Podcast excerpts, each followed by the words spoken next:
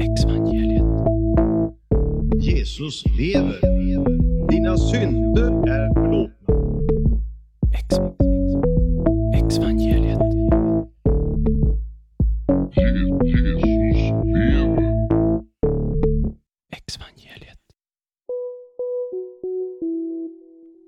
Hallå! Hanna Larsdotter här. Jag är lite förkyld om min röst låter lite annorlunda. Men du är välkommen till vårt fjärde avsnitt den här andra säsongen. Idag får vi möta musikern Mattias Ristholm. Med en bakgrund som pingstpastorsbarn och aktiv i frikyrkan berättar han nu om sin nuvarande identitet som postevangelikal. I slutet av avsnittet bjuder han på sin låt Garden som vi kan koppla till vårt samtal om lustgården och kunskapens träd. Jag vill passa på att tacka för idag redan nu och vill till nästa gång påminna om att exvangeliet är de glada nyheterna för dig som lämnat tron om du missat det av någon anledning. Här kommer vårt samtal. Varsågoda! Exvangeliet. Mattias Ristholm, Ja, välkommen till Exvangeliet. tack. Det är väldigt trevligt att vara här. Ja, superglad att du är här. Ja. Jag tycker du har väldigt mycket intressanta saker att säga. Det får vi hoppas. får du leva upp till det Vi lärde ju känna varandra på en av våra evangeliet-fester. Ja, det var på releasepartyt På för, releasepartyt. för Evangeliet. Ja. Och jag trängde mig in och tvingade fram att jag skulle få spela en sång. Ja, det var två till och med. Tre två. till och med. Ja, det kanske det var. Ja. Ja, det var jättefint. Ja. Jättehärligt. Ja. Du är ju musiker. Jag är musiker, precis. Berätta lite mer om dig själv. Jag är musiker. Bland annat. Ja. Eh, ja, hur, ja, jag, Vem är du? Jag, jag är en eh, 47-årig, snart 48-årig eh, man boendes i Stockholm tillsammans med fru och en 10-årig son. Mm. Eh, jag eh, jobbar numera dels som, eller jag jobbar som musiker. Jag jobbar i Svenska kyrkan som kyrkvaktmästare också, framförallt som ljudtekniker. Eh, och driver en firma tillsammans med min fru med massage. Och sen dessutom så hinner jag med att läsa neuropsykologi, kognitiv neuropsykologi på fritiden. Så det, jag har ganska fullt upp sådär. Ja, Ehm.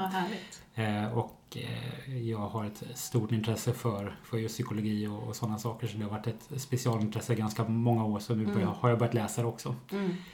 Ehm, så det är jag nu. Ja. Mm. Vad, vad, vad har du för ursprung? Var kommer du ifrån från början? Och, och vad har du för, för religiös bakgrund? Jag är pastorsbarn som det så fint heter. Eh, eh, född och uppvuxen nere i neråt Västsverige och som eh, pastorsbarn till en pingstpastor så flyttade vi runt ganska mycket så jag har dels bott i Västergötland, jag har bott på västkusten och jag har bott i, i Småland Ja, just det, under för mina man får uppväxtår. åka runt rätt mycket som pastorsbarn. Sex år på varje ställe var det för oss och det var väl ganska okej liksom. Jag har hört andra som flyttar var tredje år men Ja. min far hade en ganska bra in, bra intervall så att man hann åtminstone rota sig en liten stund där. Eh, Ja. Så, och sen har jag varit eh, aktiv i frikyrkan ända sedan dess. Mm.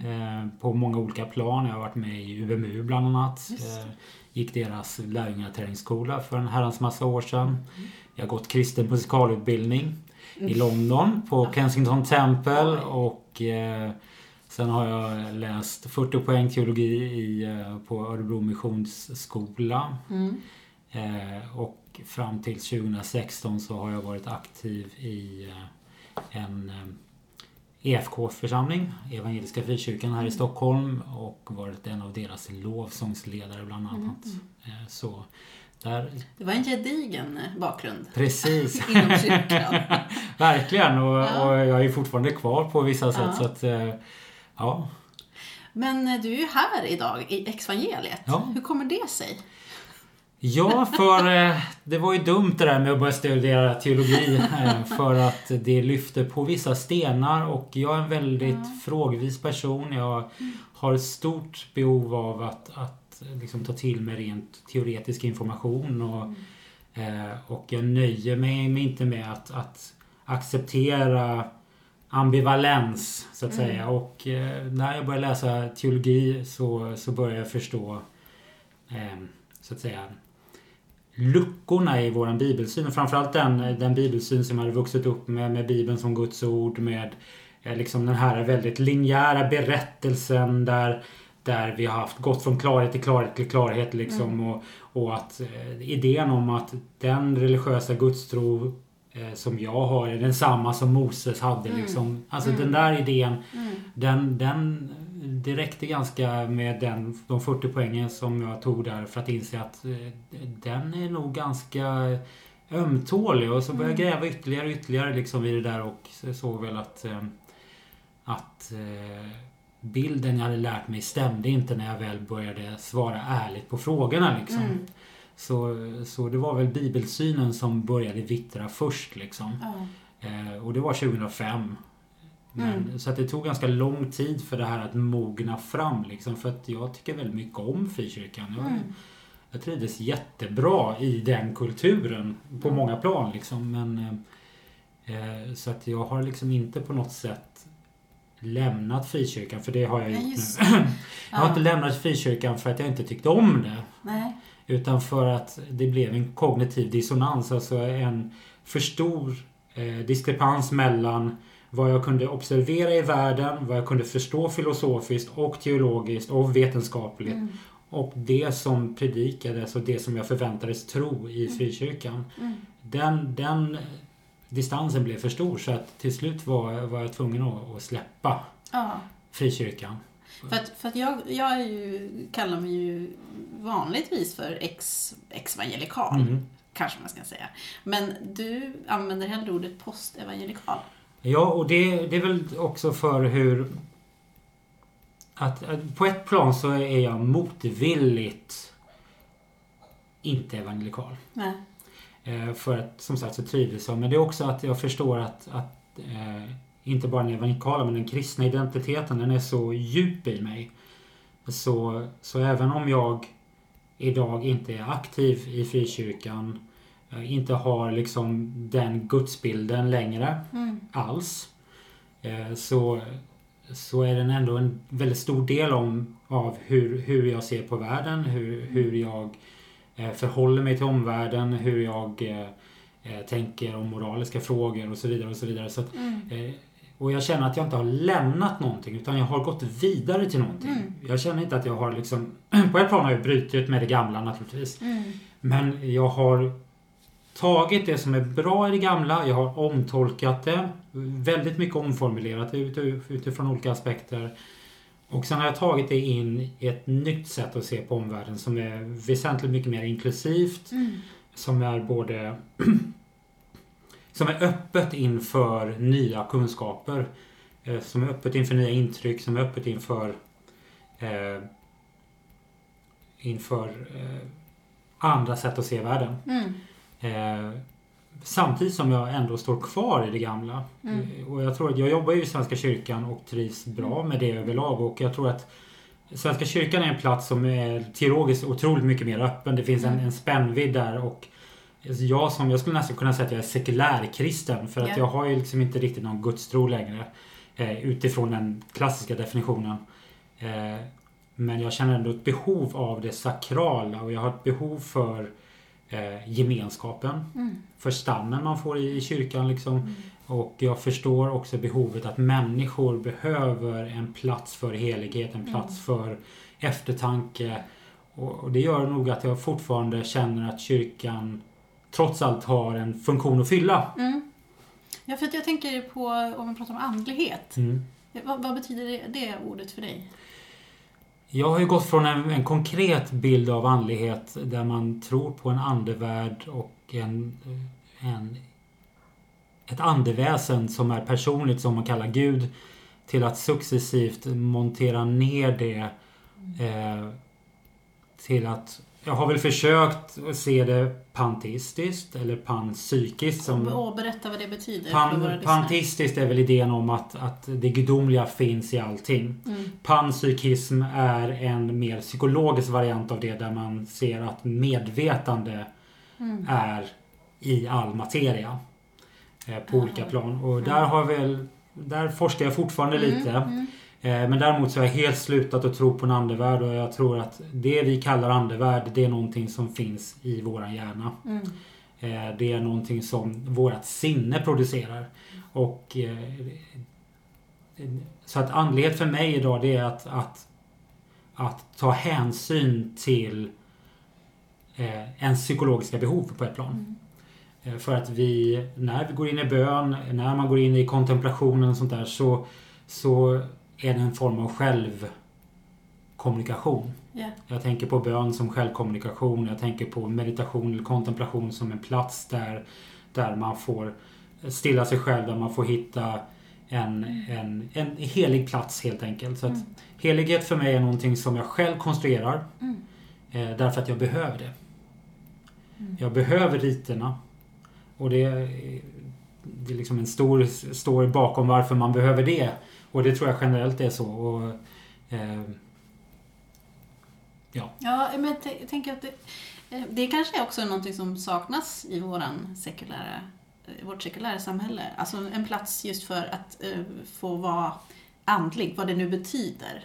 Men, Precis, men, för, det, för det är ett svårt ord. Jag, det, vi är väldigt... Eh, jag tänker just inom frikyrkan speciellt Mm. så är det ju också väldigt... Eh, eh, jag tänker när, när man hör andlighet och man säger ja fast jag är inte jag tror kanske inte på en gud men jag är ju andlig. Att Mm. det lätt blir kopplat till new age.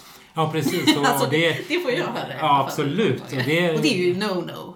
ja, eh, no-no. ja, absolut. För det är ju bara, eh, det är bara liksom ett, ett andra sidan av myntet på ett plan. Mm. Eh, Det är samma typ av vidskeplighet om man skulle Mm. kunna använda det ordet. Min fru skulle bli jättearg om jag Mm.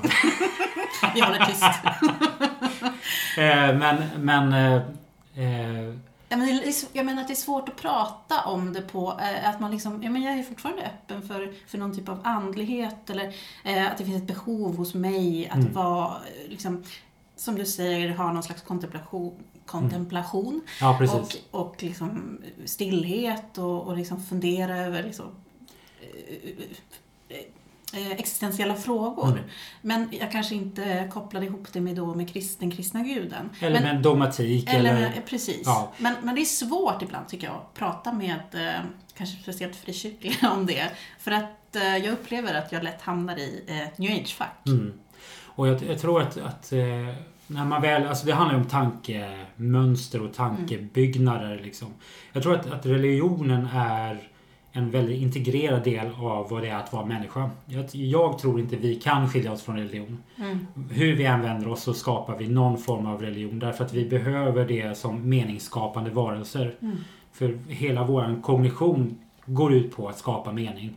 Och vi behöver det för att få en balans i tillvaron. Och, och det är väl där jag ser det andliga komma in. Mm. Att, eh, att det andliga är, är för mig det, det som är, är kölen i ens tillvaro. Mm. Och jag tror att när jag, när jag började min dek- dekonstruktion så, så, som började för snart, ja det är 15 år sedan nu. Eh, så, så var det mycket polemik med framförallt ateister och humanister på olika diskussionsforum och på. Mm. på Youtube och you name it liksom. Eh, och jag tyckte att det fanns en, en, en viss tomhet i deras synsätt. En, en Mm. rationalism som jag inte tyckte var försvarbar utifrån vad man vet om människans kognition och människans sätt att, att konceptualisera världen. Mm. Vi är helt enkelt särskilt rationella av oss. Även om vi vill gärna tro det så Mm. är vi inte det.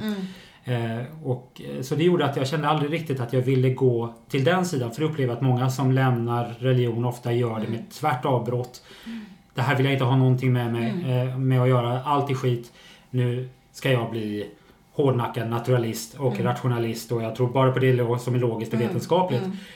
Eh, och jag kan förstå den biten men, men det har ju visat sig på något sätt. Vi har ju försökt det här experimentet nu i, i Sverige inte minst i 50 år Mm. eller mer, 70 100 år. Och i hela västvärlden har vi liksom försökt att skala bort det sakrala. Mm. Men det vi ser nu är tvärtom att det blir en backlash och att folk i högre grad närmar sig det sakrala. Och att även de som ser sig själva som sekulära ser sitt behov för, för det sakrala. Inte minst humanismen har ju försökt liksom hitta Ja, det ja. sakrala. Mm. Eh, man har synteismen eh, som, som är någon slags idé om att vi kan ha en sakral värld fast vi, vi, vi konceptualiserar Gud men vi tror inte på honom. Mm. Eh, När du säger det sakrala, vad, vad menar du med det? Att man projicerar eller upps, att man liksom fokuserar på det som är större än en själv. Mm. Det som är utanför en själv. Eh, allt från det här att bara uppskatta och se det heliga i ett nyfött barns ögon till att, att samla sig inför en viktig uppgift man har och bara centrera sig till att eh, känna tårarna komma när man ser en vacker solnedgång liksom. Mm. Allt det är det sakrala. slags förundran? En förundran och en tacksamhet inför livet. För att eh, ofta så tänker man att jag ska vara tacksam inför livet för att Gud finns. Men Mm. man kan lika gärna säga att jag är tacksam för livet för livets skull. Mm. Och för mig så är livet nog för att uttrycka den tacksamheten och att, eh, att, att se det sakrala i livet. Mm. För att, och och särskilt utifrån ett sekulärt perspektiv så tycker jag nästan det blir accent, accentuerat. Ac, accentuerat. eh, accentuerat för att, eh, för att då har vi bara den här lilla stunden. Mm. Jag har ju sedan länge släppt eh, tanken på ett liv efter detta och finns det ett liv efter detta, fine, men jag lever inte utifrån det. Och, Mm. och effekten av det har blivit att jag känner mycket större eh, tillförsikt inför livet. Mm. Jag känner mycket mer vördnad inför livet. Och jag har blivit mycket mer positiv inför livet. Eh, sen jag lämnade den evan- evangelikala världsbilden bakom mig. För, just därför att, att det är definitivt, det är nu jag har. Det är det här. Mm. Och det i sig skapar hos mig liksom en, en sakral vördnad. Mm. Så det är det jag tänker på när jag säger andlighet utifrån ett, ett sekulärt perspektiv. Mm. Ja, det skulle vara intressant att se hur man skulle kunna skapa den, eh, den, den platsen i vårt sekulära samhälle. För jag tänker att det behövs. Det behövs absolut. Utan att eh, just eh, den, vad ska man säga, religiös... Alltså, det är det där när vi säger, pratar, använder termer och så, men Mm. jag tänker just att, att jag har sett det i vissa debattartiklar och sådär, men att, att kyrkan, när det har varit just prat om religionsfrihet och sådär, men att, att kyrkan säger att vi behövs just för eh, att människan behöver den här platsen för att kunna prata om andliga frågor. Mm. Och det fattas i den sekulära Mm. sfären. Men jag undrar liksom hur man skulle kunna, alltså om man skulle ha någon slags initiativ, det finns säkert Det, fin, redan. det finns Alltså, absolut. Synteismen är ett sånt initiativ. Just, åh, berätta mer om det, vad sa du? Eh, Synteismen, det kan man säga, det är en, en eh, posthumanistisk rörelse skulle jag, skulle jag nästan kalla det. Där man har tagit fasta på att, att eh, ja, vi har inga rationella skäl att tro på Gud. Och nej, vi tror inte på Gud. Däremot så ser vi att vi har ett behov av Gud. Mm. Vi har ett behov av att projicera våran längtan och våra mål och våra, våran moral på någonting som är större än oss själva. Så, så man använder begreppet eh, ironisk teism. och, eh, och de har ju eh, börjat skapa nätverk. Bland annat så är ju liksom Burning Man-kulturen ett uttryck för det där. Och där, där man också ser behovet av att samlas som stam. För det är ju ofta Mm. det som är liksom en av de viktigaste delarna i, Mm. i, i att vara kyrka. Det är att tillhöra en stam. Och i det här stora multikulturella samhället så behöver ju de här små samlingsplatserna för våra hjärnor, de är, de är liksom anpassade för en liten stam på max 150 pers. Mm, Liksom. mm. Så när det blir större än det så, så känner vi oss lätt ensamma, utelämnade. Liksom. Så vi behöver de här små kollektiven. Mm. Eh, och eh, synteismen har då försökt skapa det. Så att det finns sådana samlingar här i Stockholm om man skulle vilja. Jag har inte själv gått på Nej. någonting utav det men, Ja, men men det- själva tanken tycker Ja. jag är väldigt attraktiv.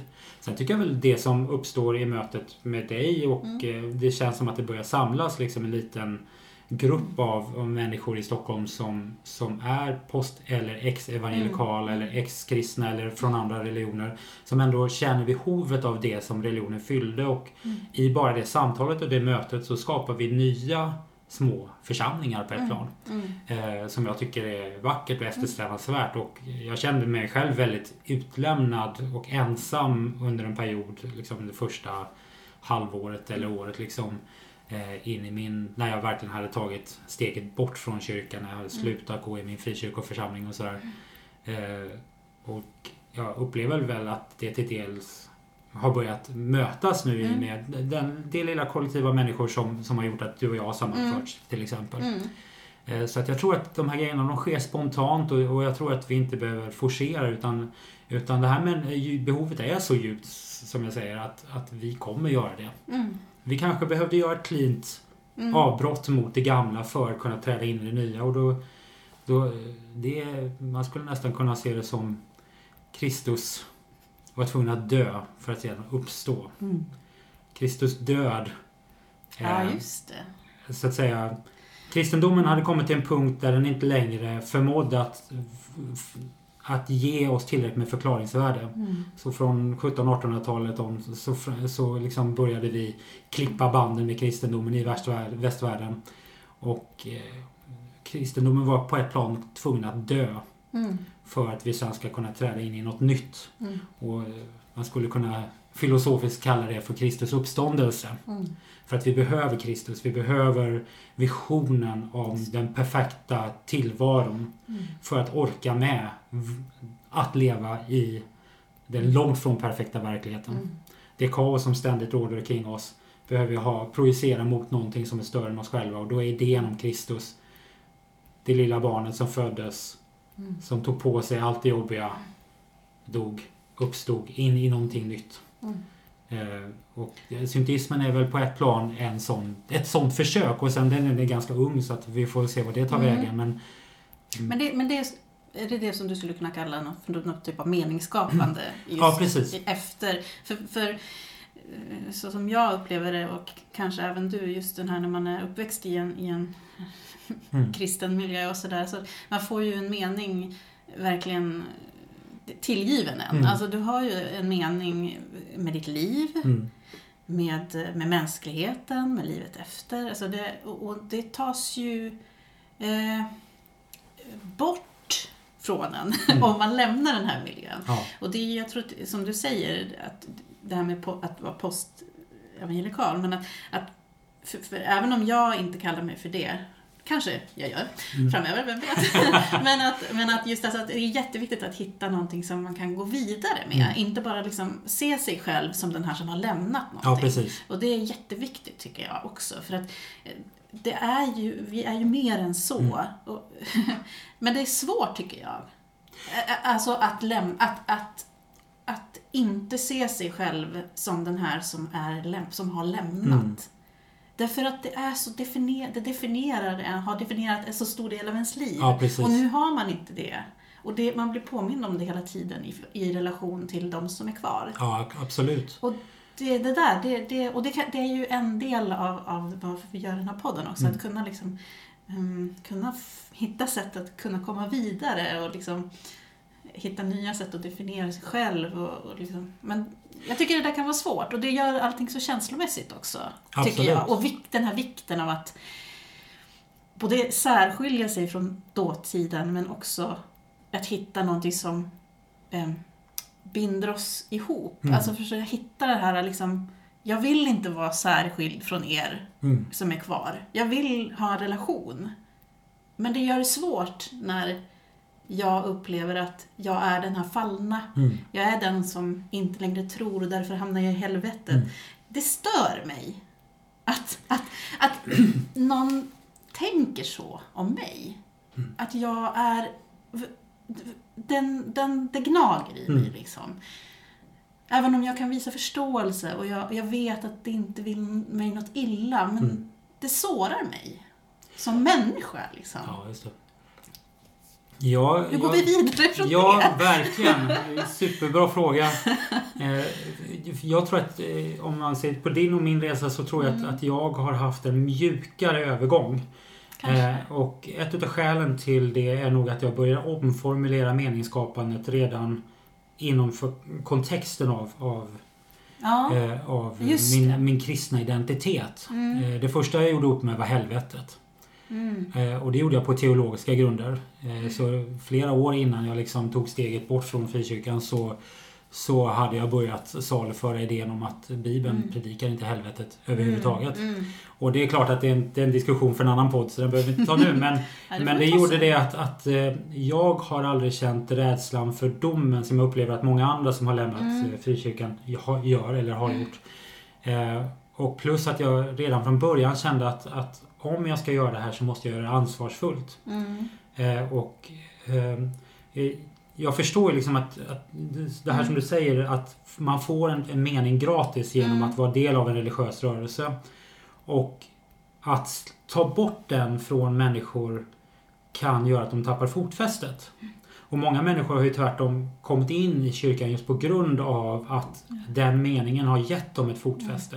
Så personligen har jag varit jätteförsiktig med liksom att, att saluföra mina egna, min egen dekonstruktion. Utan Ja. den, den har liksom kommit organiskt i samtal med vissa vänner som märker är, är redo för att ta den diskussionen. Medan jag vet många andra Mm. är inte redo. Därför skulle jag liksom säga till dem hela mitt eh, maskineri eller mitt Ja, artilleri för att, att säga varför jag lämnar tron så kanske det skulle kasta dem ut i en otrygghet som, som jag inte vill leverera till dem. Så att jag började redan från början, alltså ganska tidigt i processen, hitta mening utanför den kristna identiteten. Mm. Eh, och det första jag släppte var nog eh, fatalismen.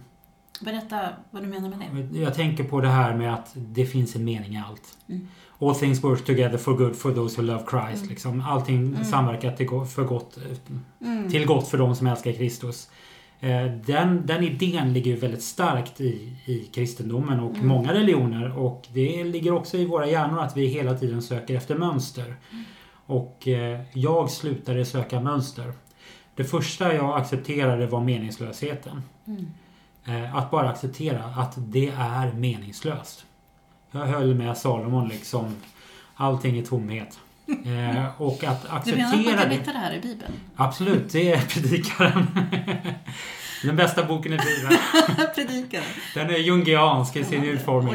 Oj. Allt, allt, är, eh, allt, allt är förgängligt. Ja, och eh, att acceptera det Mm.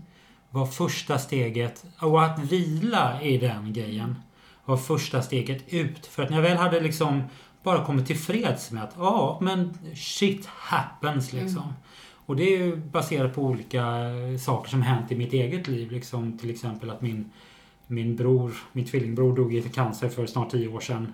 Eh, vilket naturligtvis skickar en chock Mm. eh, genom systemet. Och, och jag har många kristna vänner som i all välmening då försöker hitta massa mening i det där. Liksom Mm. att ja, men det kanske leder till att eh, eh, bla bla bla eh, får en mer ödmjukhet inför livet. Eller liksom, det var bara för något halvår sedan någon började kommunicera med, med, på Messenger och, och liksom försökte Ja men det var väl säkert någon, något förtryck i andevärlden som gjorde att han inte blev helad. Bla bla bla liksom. Eh, och för mig så Ja, nej, han dog och det sög fett liksom. Mm. Men det är okej att det suger fett. Jag behöver inte ändra på det. Och för mig så var det första steget till att, att börja bara acceptera att meningen finns där jag skapar den. Mm. Och då kommer vi tillbaka till det här sakrala. Att det inte är en transcendent gud som har ansvar för att skapa mitt, min mening. Mm. Utan det är trots allt jag. För det gör jag ändå. Mm. För de, de religiösa berättelserna som vi använder för att skapa mening med. De är godtyckliga utifrån det att, att vi faktiskt har skapat dem. För tittar man till exempel på den evangelikala berättelsen så är den en... Om man ska vara ärlig med vad som står i Bibeln så, så, så stämmer den inte överens med Bibeln. Hur menar du då? Eh, jag menar att... Oj, det, det är många... Eh, Rob Bell, för att referera till honom, han, han har en väldigt utmärkt bok som heter Love Wins där han Mm. går igenom eh, de olika typerna av, av eh, försoningslära som finns bara i evangelierna. Det. Och det finns en hel mängd med sätt som man kan bli frälst på. Mm. Och varför man ska bli frälst. Och hur man ska bli frälst. Mm. Och vad man behöver göra för att bli frälst. Det är, så det är bara evangelierna. Sen tittar vi på Gamla Testamentet. Där finns till exempel inte någonting om eftervärlden. Mm. När Gud ger israelerna domar så ger han dem alltid domar här och nu. Aldrig sen.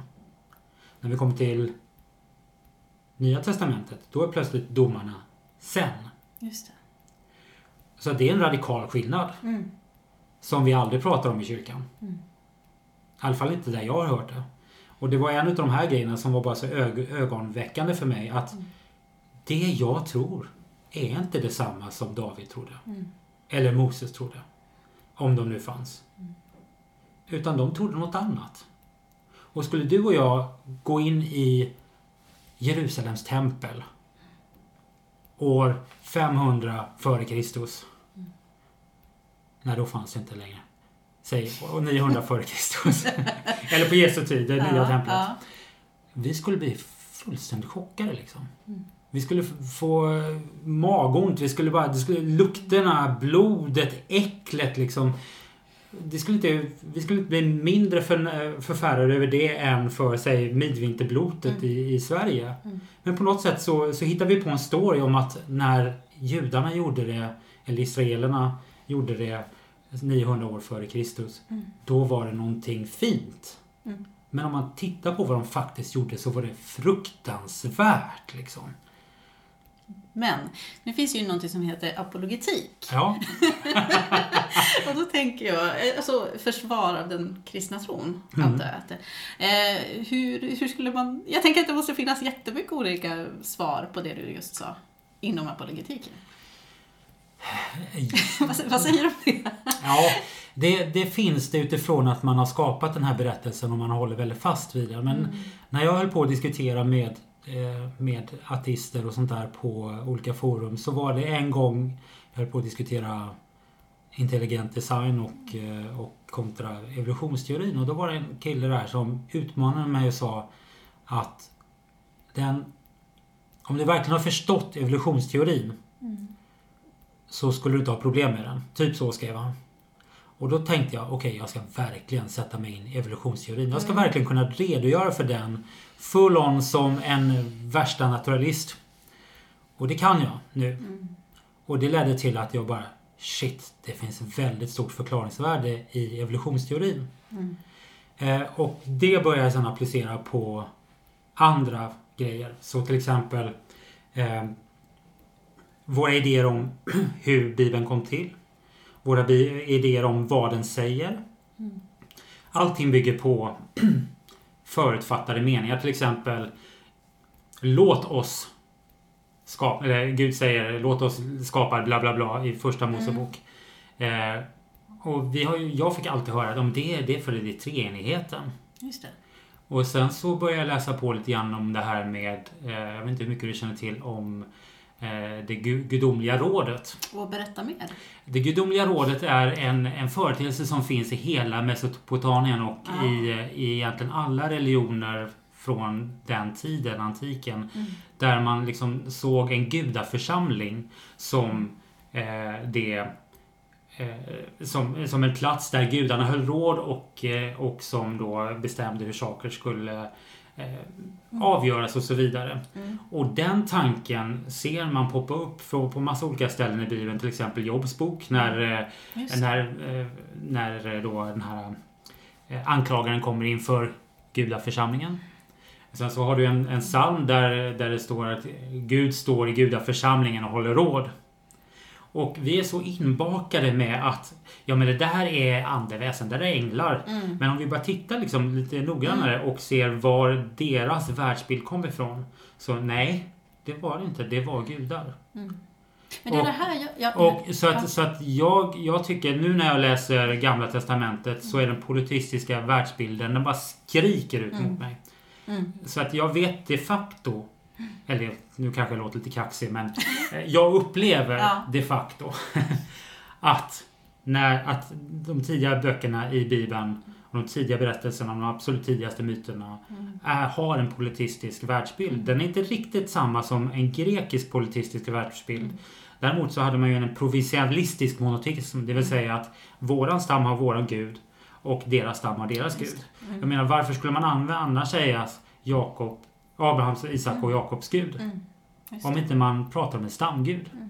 Som då konkurrerar med de andra. Och det här kristalliserar sen fram till så småningom någon form av monotism som vi Mm. tänker på det idag. Men det är ju inte det. Mm. Det var inte det från början. Mm. Och att vara ödmjuk inför det och bara acceptera, ja men det, det var så. Mm. Och, och att tycka det är okej. Och då, då upplever jag att då kan jag se andra sanningar i Bibeln som hoppar fram, som kan vara till nytta för mig idag. Mm. Som vad då? Eh, som... Hur, hur använder du Bibeln idag, om vi säger så? Om du, om du använder det, om du, om du, för du, uppenbarligen så tycker jag att det är en bok som ändå går att använda. Ja, det tycker jag absolut. Mm. Jag tycker att den är superintressant och faktum är att, att jag eh, kan uppskatta den mer idag för att när jag släppte den eh, idén om Bibeln som Guds ord. Idag tror jag rakt av att det är människans ord. Eh, och att som människans ord så är den otroligt mångfacetterad.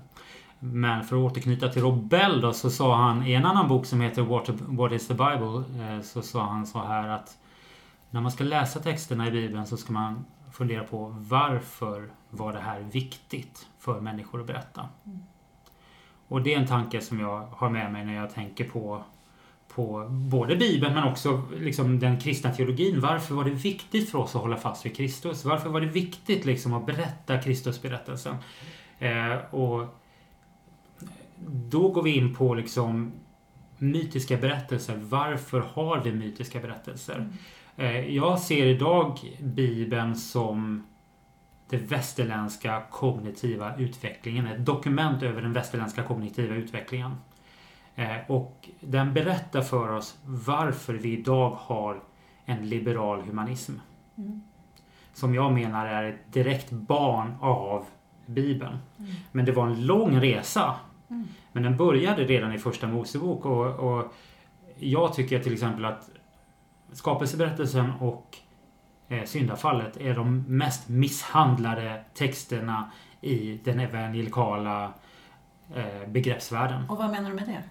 De har mosat sönder till oigenkännlighet och används till saker som inte överhuvudtaget är relevant för texten. Mm. Eh, som till exempel skapelseberättelsen. Bara det här att vi har en, en grej som heter Young Earth Creationism.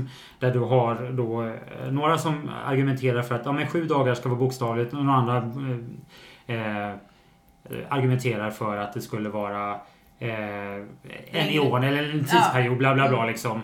Och texten handlar överhuvudtaget inte om det. Texten i sig är en återspegling av andra eh, mesopotamiska skapelseberättelser. Mm. För den är till syvende och sist det. Den skrevs ner när de var i Mesopotamien i, i dåvarande Babylonien slash Persien. Liksom. Det var då som den texten liksom fick sin slutgiltiga form i Bibeln.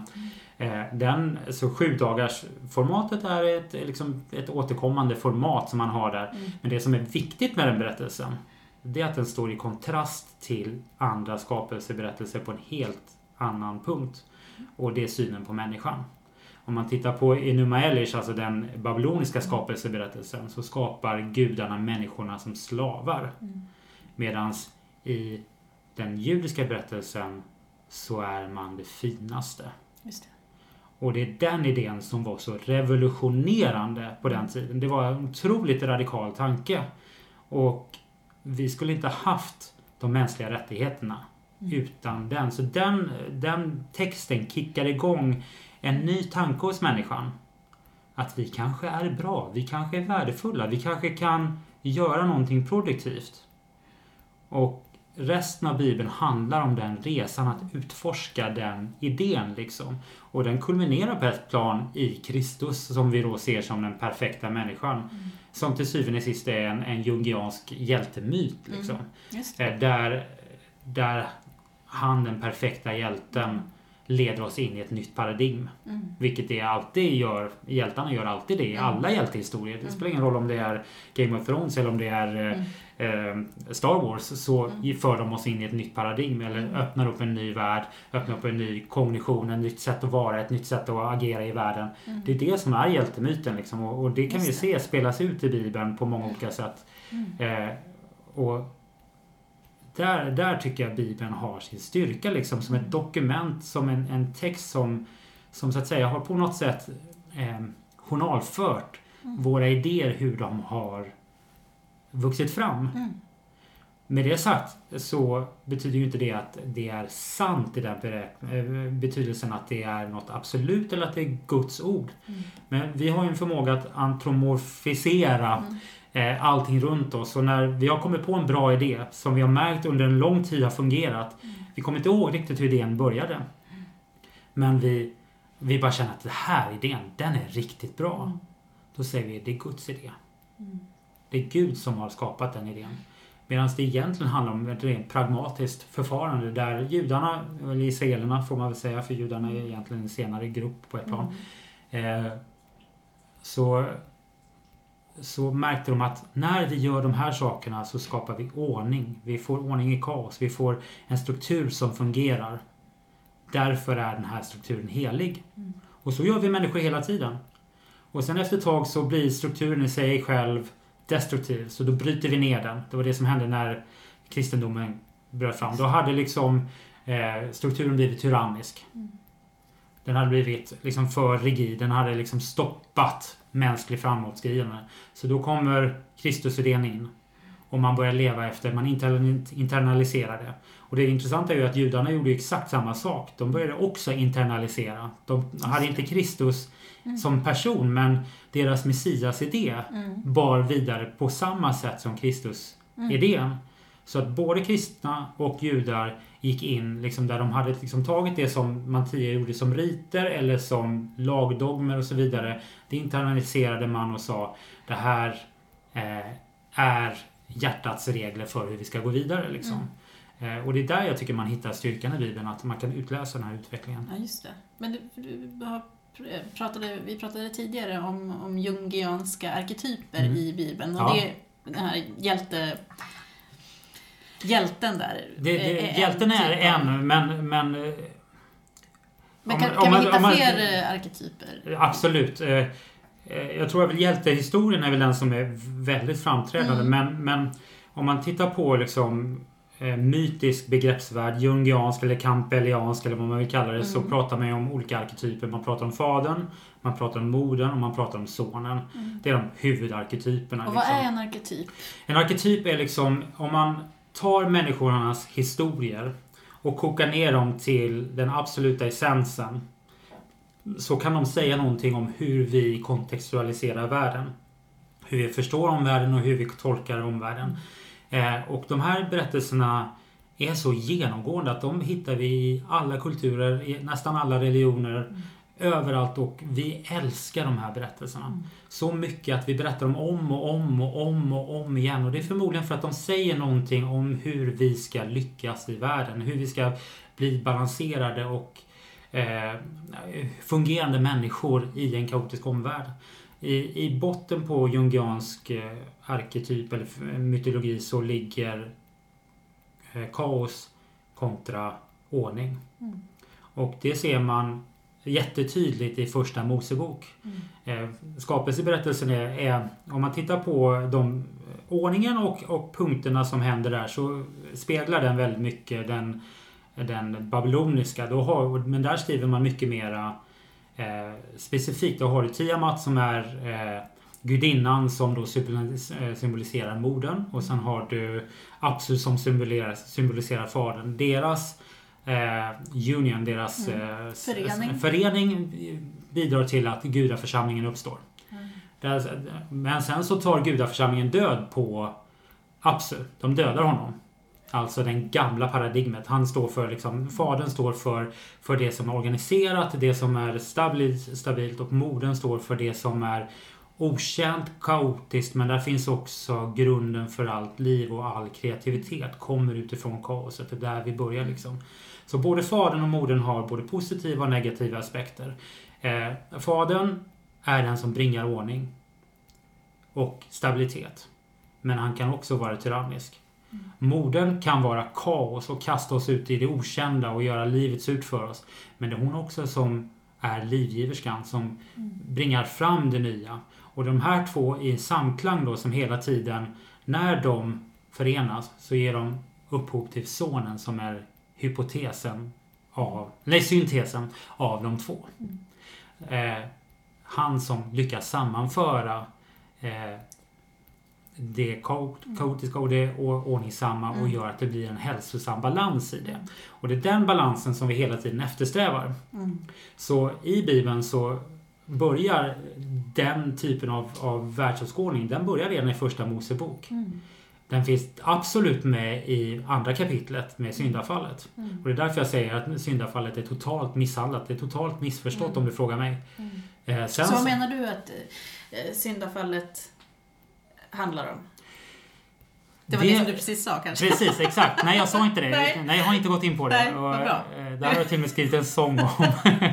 För det här, för jag, just syndafallet hade jag jättemycket problem med som evangelikal kristen. För att jag fick inte ihop det. Jag kunde inte för mitt liv förstå varför en frukt skulle vara så förödande. Mm. Och sen när jag började förstå lite mer om, om det här med myter och hur de byggs upp så insåg jag, och det var också i samklang med att min son gick från att vara 5-6 år till 7, 8, 9 år. Mm. Och jag märkte en kognitiv förändring hos honom. Eh, och skapelseberättelsen, där finns du liksom i någon slags... De är Edens lustgård, allt är frid och fröjd. Sen så finns det livets träd och det finns livets eh, och kunskapens träd på gott och ont. Och det man har gjort i frikyrkovärlden primärt och förmodligen även mycket i katolska och eh, ortodoxa kyrkan är att man har fokuserat på det onda bara där. Man har fokuserat på att, att det var ett ont träd. Vi glömmer balansen gott och ont. Eh, och när jag såg min son börja förstå omvärlden. Börja förstå att man dör. Man börjar förstå att, att det händer massa hemska saker. Men man, man, man får också vishet. Han blir smartare, han förstår saker, han för, förklarar saker, han kan sätta namn på saker, han kan eh, konceptualisera och så vidare. Så såg jag ju liksom hur han bara växte in i kunskapens träd på gott och ont. Och det är en annan arketypisk berättelse som kallas för eh, eh, att växa upp historia. Liksom. Att, eh, eh, att gå från ett stadium till ett annat. Och det är också en sån historia som vi berättar om och om igen. Hur man, gick, man går från det oskyldiga tillståndet. Och jag tänker så här att, att eh, det är nog en, en kognitiv berättelse om vad det är att vara människa. Liksom. Mm. Och resten av Bibeln handlar om att försöka hitta balans. För det onda på ett plan, det är ju liksom kaoset. Mm. Det goda är det ordningsamma och det produktiva. Eh, och tittar man sen på Bibeln, då är det hjältehistoria på hjältehistoria. Och det är också en meta-hjältehistoria. Mm. Där du har Israels folks utveckling. Det börjar med att de är i öknen, de är i kaos. Moses, en arketypisk hjälte, har lämnat det gamla paradigmet bakom sig. Kungligheten, härligheten, kastat sig ut, precis som Buddha, på en upptäckarfärd in i det kognitiva, in i vad det är att vara människa. Och han formulerar regler. Förmodligen var det inte han utan det är de här reglerna som man då har liksom vaskat fram under årens lopp av trial and error. Och till slut så tycker man att de här är så självklara de här reglerna så de är gudomliga. Och då skapar man lagen. Mm. Eh, men lagen i sig blir tyrannisk. Och då följer du med hela den här utvecklingen. Eh, där judarna går som, eller israelerna går då som ett, ett folk som å ena sidan kastas in i kaos när de inte följer lagen och sen eh, får framgång när de följer lagen. Det är den berättelsen som pågår hela tiden och kulminerar med David. Han, liksom, han blir det förlovade riket och det är därför de lägger så stor vikt på honom. För han har också en hjältehistoria. Mm. Den lilla herden från eh, små sammanhang som bryter sig loss. Han intar tronen, inte utan offer utan utan problem. Utan till slut så landar han i rollen som den som skapar riket. Och det är en bild på himmelriket, på den här Mm. platsen där det fungerar. Mm. Sen kommer Salomon. Som då närmar sig kaos. Det är inte, jag tror inte det är en slump liksom att, att hans fall blev kvinnan. Liksom. Och I det här fallet är det inte kvinna per se utan idén om kaos. Och det är viktigt när man pratar om, om eh, arketyper att det har inte med kön att göra. Utan som man så kan jag leva ut de kvinnliga arketyperna eller de manliga. Mm. Som kvinna så kan jag leva ut de kvinnliga arketyperna eller de manliga eller Mm. både och. Mm. Liksom. Eh, utan det handlar om, om sätt att kontextualisera världen så de har liksom inte med kön så Mm. på att göra. Eh, eh, utan han tillåter kaos att komma tillbaka. Just det. Och då faller riket. Mm. Och sen när vi då kommer in i Nya Testamentet så har Fadern formaliserats igen. Genom det nya, alltså genom det, det nya templet och allt det Mm. liksom. Men han har blivit tyrannisk. Mm. Han har begränsat människor, han har blivit en farisé som stoppar människor från utveckling. Mm. Och där kommer Jesus in. Och det här är typiskt arketypiskt begrepp det här med att sonen föds, Mm. modern Maria, Gud fadern. Eh, och han går in och säger Jag ska inte ändra ett enda tecken i lagen. Mm. Jag har inte kommit för att eh, göra sönder den utan jag har kommit för att uppfylla den. Mm. Och eh, han måste dessutom dö för att födas in i det nya. Mm. Och det ser vi i alla, inte alla, men väldigt många av de arketypiska berättelserna. Det finns i egyptiska myterna, det finns i, Mm. eh, i Asien och så vidare. Liksom det är en story som är väldigt viktig för oss att Mm. se att många gånger så måste sonen först dö för att sen kunna upple- upp, eh, uppstå in i andra. Mm. Och det som man då ser arketypiskt är att när den här nya situationen har fötts så har man med sig den gamla Mm. fast i en ny form. Mm. Och det är därför han säger jag och fadern är ett. Mm. Och det är därför jag också säger att jag är postevangelikal. Mm. För att jag och fadern, det vill säga för mig är fadern, det är den evangelikala rörelsen. Mm. Det var den som blev för rigid för mig, den blev förtryckande för mig, den blev för snäv. Så att jag kunde inte gå ut i min egen hjältehistoria. Mm. Så därför är jag postevangelikal. Jag är, på det planet så har jag integrerat fadern, men jag har ändå gått vidare. Mm. Eh, och det är det som är hjältebyten. Och man ser den genom hela Bibeln eh, på det sättet. Och, och jag tänker på eh, en sak som jag undrar om du... Eh, det här med eh, kaos och eh, ordning. Jag tänker på Jesus och djävulen. Mm. Ja, precis. Och det är också en vanlig arketyp just att, att sonen har två sidor. Antingen är det, så är det två personer eller så är det två sidor av samma person. mm, Eh, som hela tiden konkurrerar. mm, Där den ena... Så att precis som modern och fadern så är inte sonen alltid bara god liksom. Mm. Utan är alltid bara bra. mm, Utan även där så finns då kampen mellan de här två systemen. mm, som hela tiden vill slita i varandra. Och det är ju det som är den mänskliga upplevelsen. mm, Det räcker med att vi ska till bussen. Och vi har liksom skapat vår idealplan på att vi ska dit. mm, Och på vägen dit så, så snubblar jag och eh, vrickar foten. Jag ska iväg till ett möte liksom. Jag har, eh, blir jättestressad och plötsligt så slår kaos till liksom. mm, Och jag måste börja tänka ut en B-plan. Liksom. Jag måste lägga ner min gamla idé. Kanske inte helt och hållet. Men jag måste lägga ner min gamla idé för att formulera en ny. mm, Och i den brottningskampen så uppstår en ny ordning. mm, Förhoppningsvis. I värsta fall så blir det så att, att allting raserar och kaos vinner. mm, Men förhoppningsvis blir det så att jag hittar en ny strategi. Jag, istället för att ta bussen så eh, hoppar jag upp på en, på en elskoter och, och kör iväg med den. Liksom, Mm. Eller någonting sånt där. mm, Hittar en alternativ lösning. Och det är ju det som är att vara människa. Mm mm. Vi Så du menar att Jesus och djävulen är på något sätt en bild av, en, av människan? Ja, absolut. Helhet? liksom. Absolut. Ja. Det, är- och det är inte för inte att vi har idén om djävulen som sitter på ena sidan och ängeln som sitter på andra. Liksom. För det är vad det är att vara människa. Mm. Vi slits hela tiden i den här balansgången och vi behöver berättelserna för att vi inte alltid kan sätta ord på det. Mm, Och då blir berättelserna liksom ett sätt för att förhålla oss till eh, verkligheten utan att vi kanske helt kan sätta ord på den. Och det är där vi har myterna. Att myterna på något sätt föregår våran filosofiska eller mer explicita förståelse av vad det är vi behöver leva i, hur vi behöver leva i världen. Men det, jag tänker det är intressant också det här med att just den, jag tänker inom, eh, i alla fall inom kyrkan jag kommer ifrån, att Ja. den här eh, den, den djävulska delen, eller skuggsidan kanske Ja. man skulle kunna kalla det då. Jungianska jungiansk. skuggan, ja precis. Ja, att, att, att det är det onda. Ja.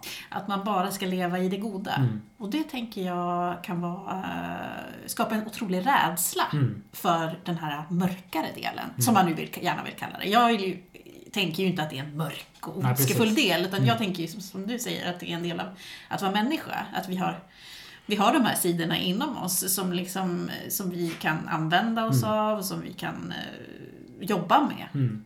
Men jag tänker att det, eh, det tänker jag är en väldigt vanlig grej, att man just att man är, lite, är väldigt rädd för, Ja. för den här eh, andra delen som inte ska vara Absolut. ljus och vacker. Och, Absolut. den är inte uppbygglig, som man Mm. brukar säga. Och, och där tror jag att du är verkligen en bra poäng för att eh, i morden då, om man tittar på kaos som Mm. ursprunget till idén, så ligger det ett löfte och det ligger ett hot. Mm.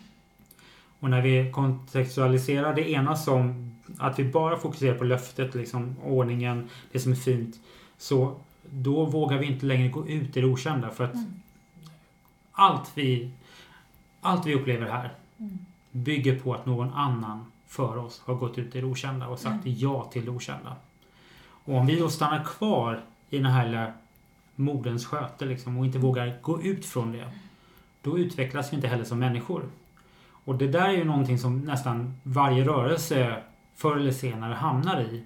Att man är så trygg i sin lilla form att den stagnerar och den blir tyrannisk eller den hindrar oss från att komma vidare. Och vi känner oss trygga där så att allting utanför blir hotfullt. Fast det egentligen inte är det. Det kan finnas farliga saker, absolut. Och vi kan tappa fotfästet. Definitivt. Vilket är ett utav skälen till att jag går varsamt fram när det gäller att prata om sådana här saker med mina Ja. eh, evangelikala vänner. För att jag vet inte alltid hur pass beredda de är på att säga ja till det okända. Mm. Att våga släppa och gå ut i kaoset. För det är ju det de facto man gör när man lä- lämnar en religion. Man bara kliver rakt ut i kaos och säger Mm. okej kaos, jag är okej med dig. Nu utforskar vi det här. Ja, för det är verkligen ett Ja, kaos. det är verkligen det ett kaos, ja. Som du säger, och jag tror att det är jätteviktigt att ha det i åtanke när man faktiskt Alltså visst, jag förstår den här att man kan vara arg och irriterad Mm. på när någon resonerar på ett visst sätt. Men jag tänker också att det är jätteviktigt att visa den här förståelsen för att det är inte, det är inte frid och fröjd att bara Mm. liksom släppa allting och ifrågasätta allting. Utan det är, det är en ganska jobbig... Nej, och det, det är ju verkligen att integrera skuggan. Att, in, Mm. att, att, att säga det är okej. Mm. För att det är en uppoffring. Och det är att dö från sig själv. Mm. Jag kan absolut säga att jag har dött från mig själv. Mm. Jag var tvungen att dö från väldigt mycket som bar mig uppe. Liksom. Jag var tvungen att dö från, från alla de här idéerna som så att säga hade eh, bolstrat in mig i någon slags trygghet som jag på ett plan tycker är falsk. Mm. Och jag var tvungen att göra det brottet och det sved liksom. Det är inte utan. Jag är inte så jättekänslomässig men lika fullt så, så är det en sorgeprocess. Det, det är att dö Mm. på ett plan. Men jag upplever också att jag har uppstått in i något nytt. Mm. För jag vågade ta det steget ut i det okända. Jag skulle nästan kunna likna det med en frälsningsupplevelse. Eh, Och det är ju det som är en frälsningsupplevelse. Det är att lägga det, bakom, det gamla bakom sig och gå in i det nya. Det är det som är en frälsning.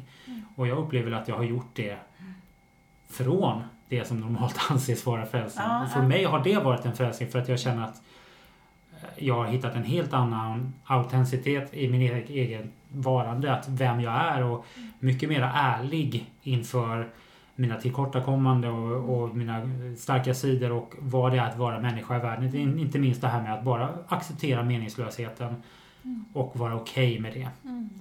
Eh, så, så- upplever jag liksom att jag har på något sätt hittat ett nytt sätt att vara i världen. Eh, Ja, jag kan verkligen relatera till Mm. det. ja. Det är alltid läskigt när man börjar prata om det på det sättet, tycker Mm. jag. Åh, det är en frälsningsupplevelse. Men det, jag kan verkligen hålla med om det. Alltså det och att det finns en, en, en lik, en, en, liksom en lik, just det här att, att dö och, och återuppstå. Mm. Jag tror att det är, och det, det, det för ju med sig en typ av födslovåndor. Ja, precis. Exakt, exakt. Hos en själv Ja. liksom.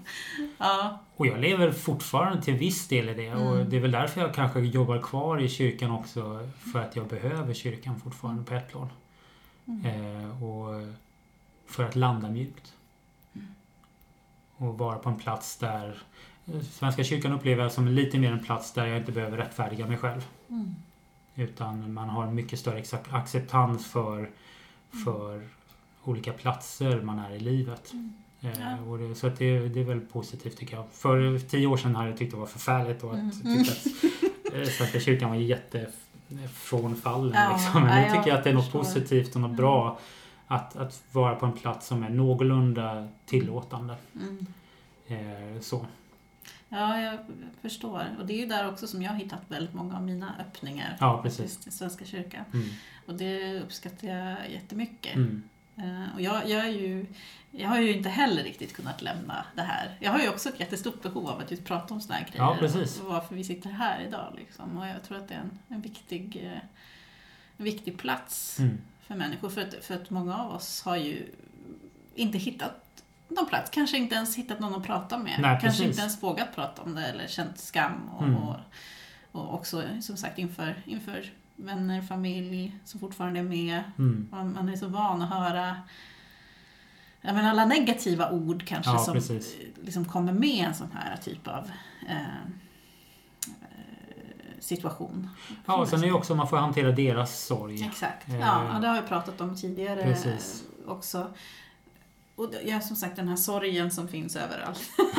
Fast man själv känner sig ganska glad och Ja, nöjd, precis. Jag liksom. säger, ja, När man har kommit över ja, förlusten av, av det man hade. Så jag, var ju, jag är ju väldigt, väldigt glad i livet. ja, precis. Och det var en eh, be- vän till mig som, som, som uttryckte, men vad tråkigt. Och jag sa, nej det är inte tråkigt. Nej. Det är bra. Men han bara upprepade, vad tråkigt. Ja. Nej, det är inte tråkigt. Jag är på en bra plats. Och, och man förstår ju utifrån att, att, att om, om man lever i den världsbilden så kopiöst och det här är ens identitet på så många plan. Då är det naturligtvis problematiskt att någon säger nej men det måste inte vara så. Mm. Det, det är självklart att det är det. Ja, men också det här att, att ju tryggare man blir i sig själv i den situation eh, som jag är i, Mm. upplever jag. Det har jag också sagt förut, men att, att du kan ha lättare för att bemöta också människor som säger åh vad, vad tråkigt Mm. och ja, jag ska be att du kommer tillbaka. Mm. Jag kan säga mer, kanske mindre känslomässigt Mm. att du behöver inte göra det. Jag är Mm. glad, jag är nöjd där jag är. Ja. Visst, du får be om du vill. Ja. Om det gör dig Mm. glad och lycklig. Men bara så du vet så är jag redan jag är på en bra plats. liksom. Men att inte bli, för jag kan lätt bli fortfarande faktiskt bli triggad av. Mm. Alltså, när jag ska be att du hittar tillbaka. Ja, Åh, jag behöver inte hitta tillbaka. att man, man kan hamna i det Ja, där. Men att, precis. att liksom, ju, ju tryggare jag känner mig, desto mer kan jag liksom, oh, försöka ta det med ro. Ja. Men det är inte så lätt faktiskt. Mm. Det är lätt att hamna i det triggade tillståndet. Kanske om man är känslomänniska. ja det beror lite grann på vilket sätt. För mig så beror det lite grann beror på hur, man ja. Absolut. Man kan faktiskt få bli arg ibland tycker ja, jag också. Ja, absolut. Om det sägs på ett Mm. Inte så Och det, nej precis, och det, Mm. det har jag mött också. Mm. Eh, samtidigt så, som jag säger så har jag väldigt stor respekt för det religiösa behovet och den Mm. religiösa Absolut. föreställningen.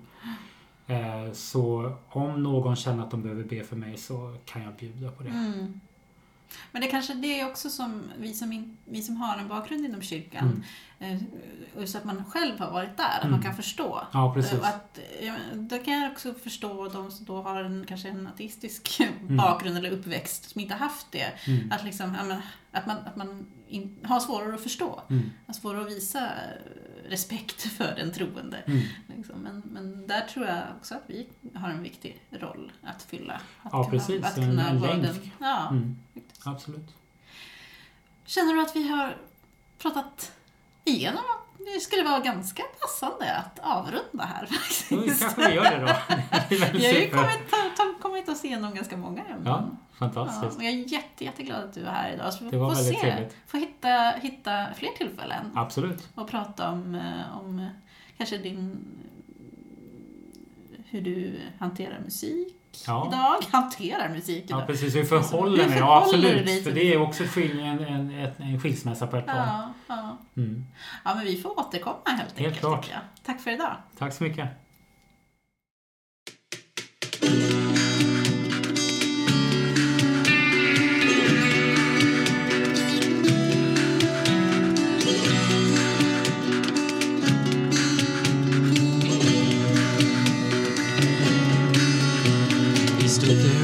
Garden, oh, oh. He stood there in the garden, oh, oh. He stood there in the garden, oh, oh. He whispered, he whispered, he whispered, he whispered.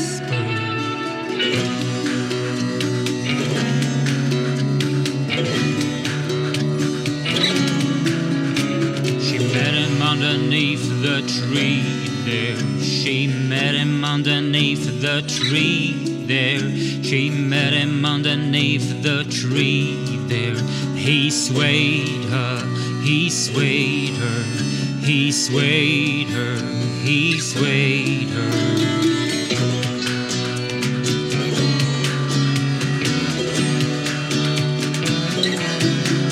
She took a bite and then it about him than it hit.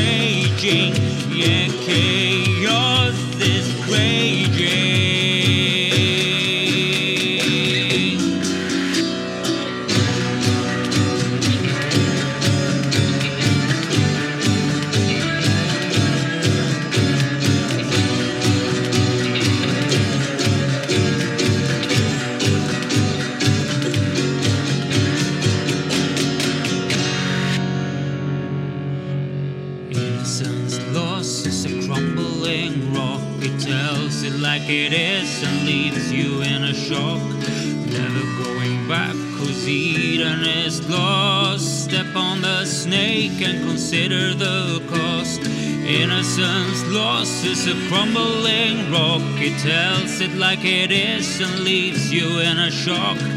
Never going back, cause Eden is lost. Step on the snake and consider the cost. I stood there in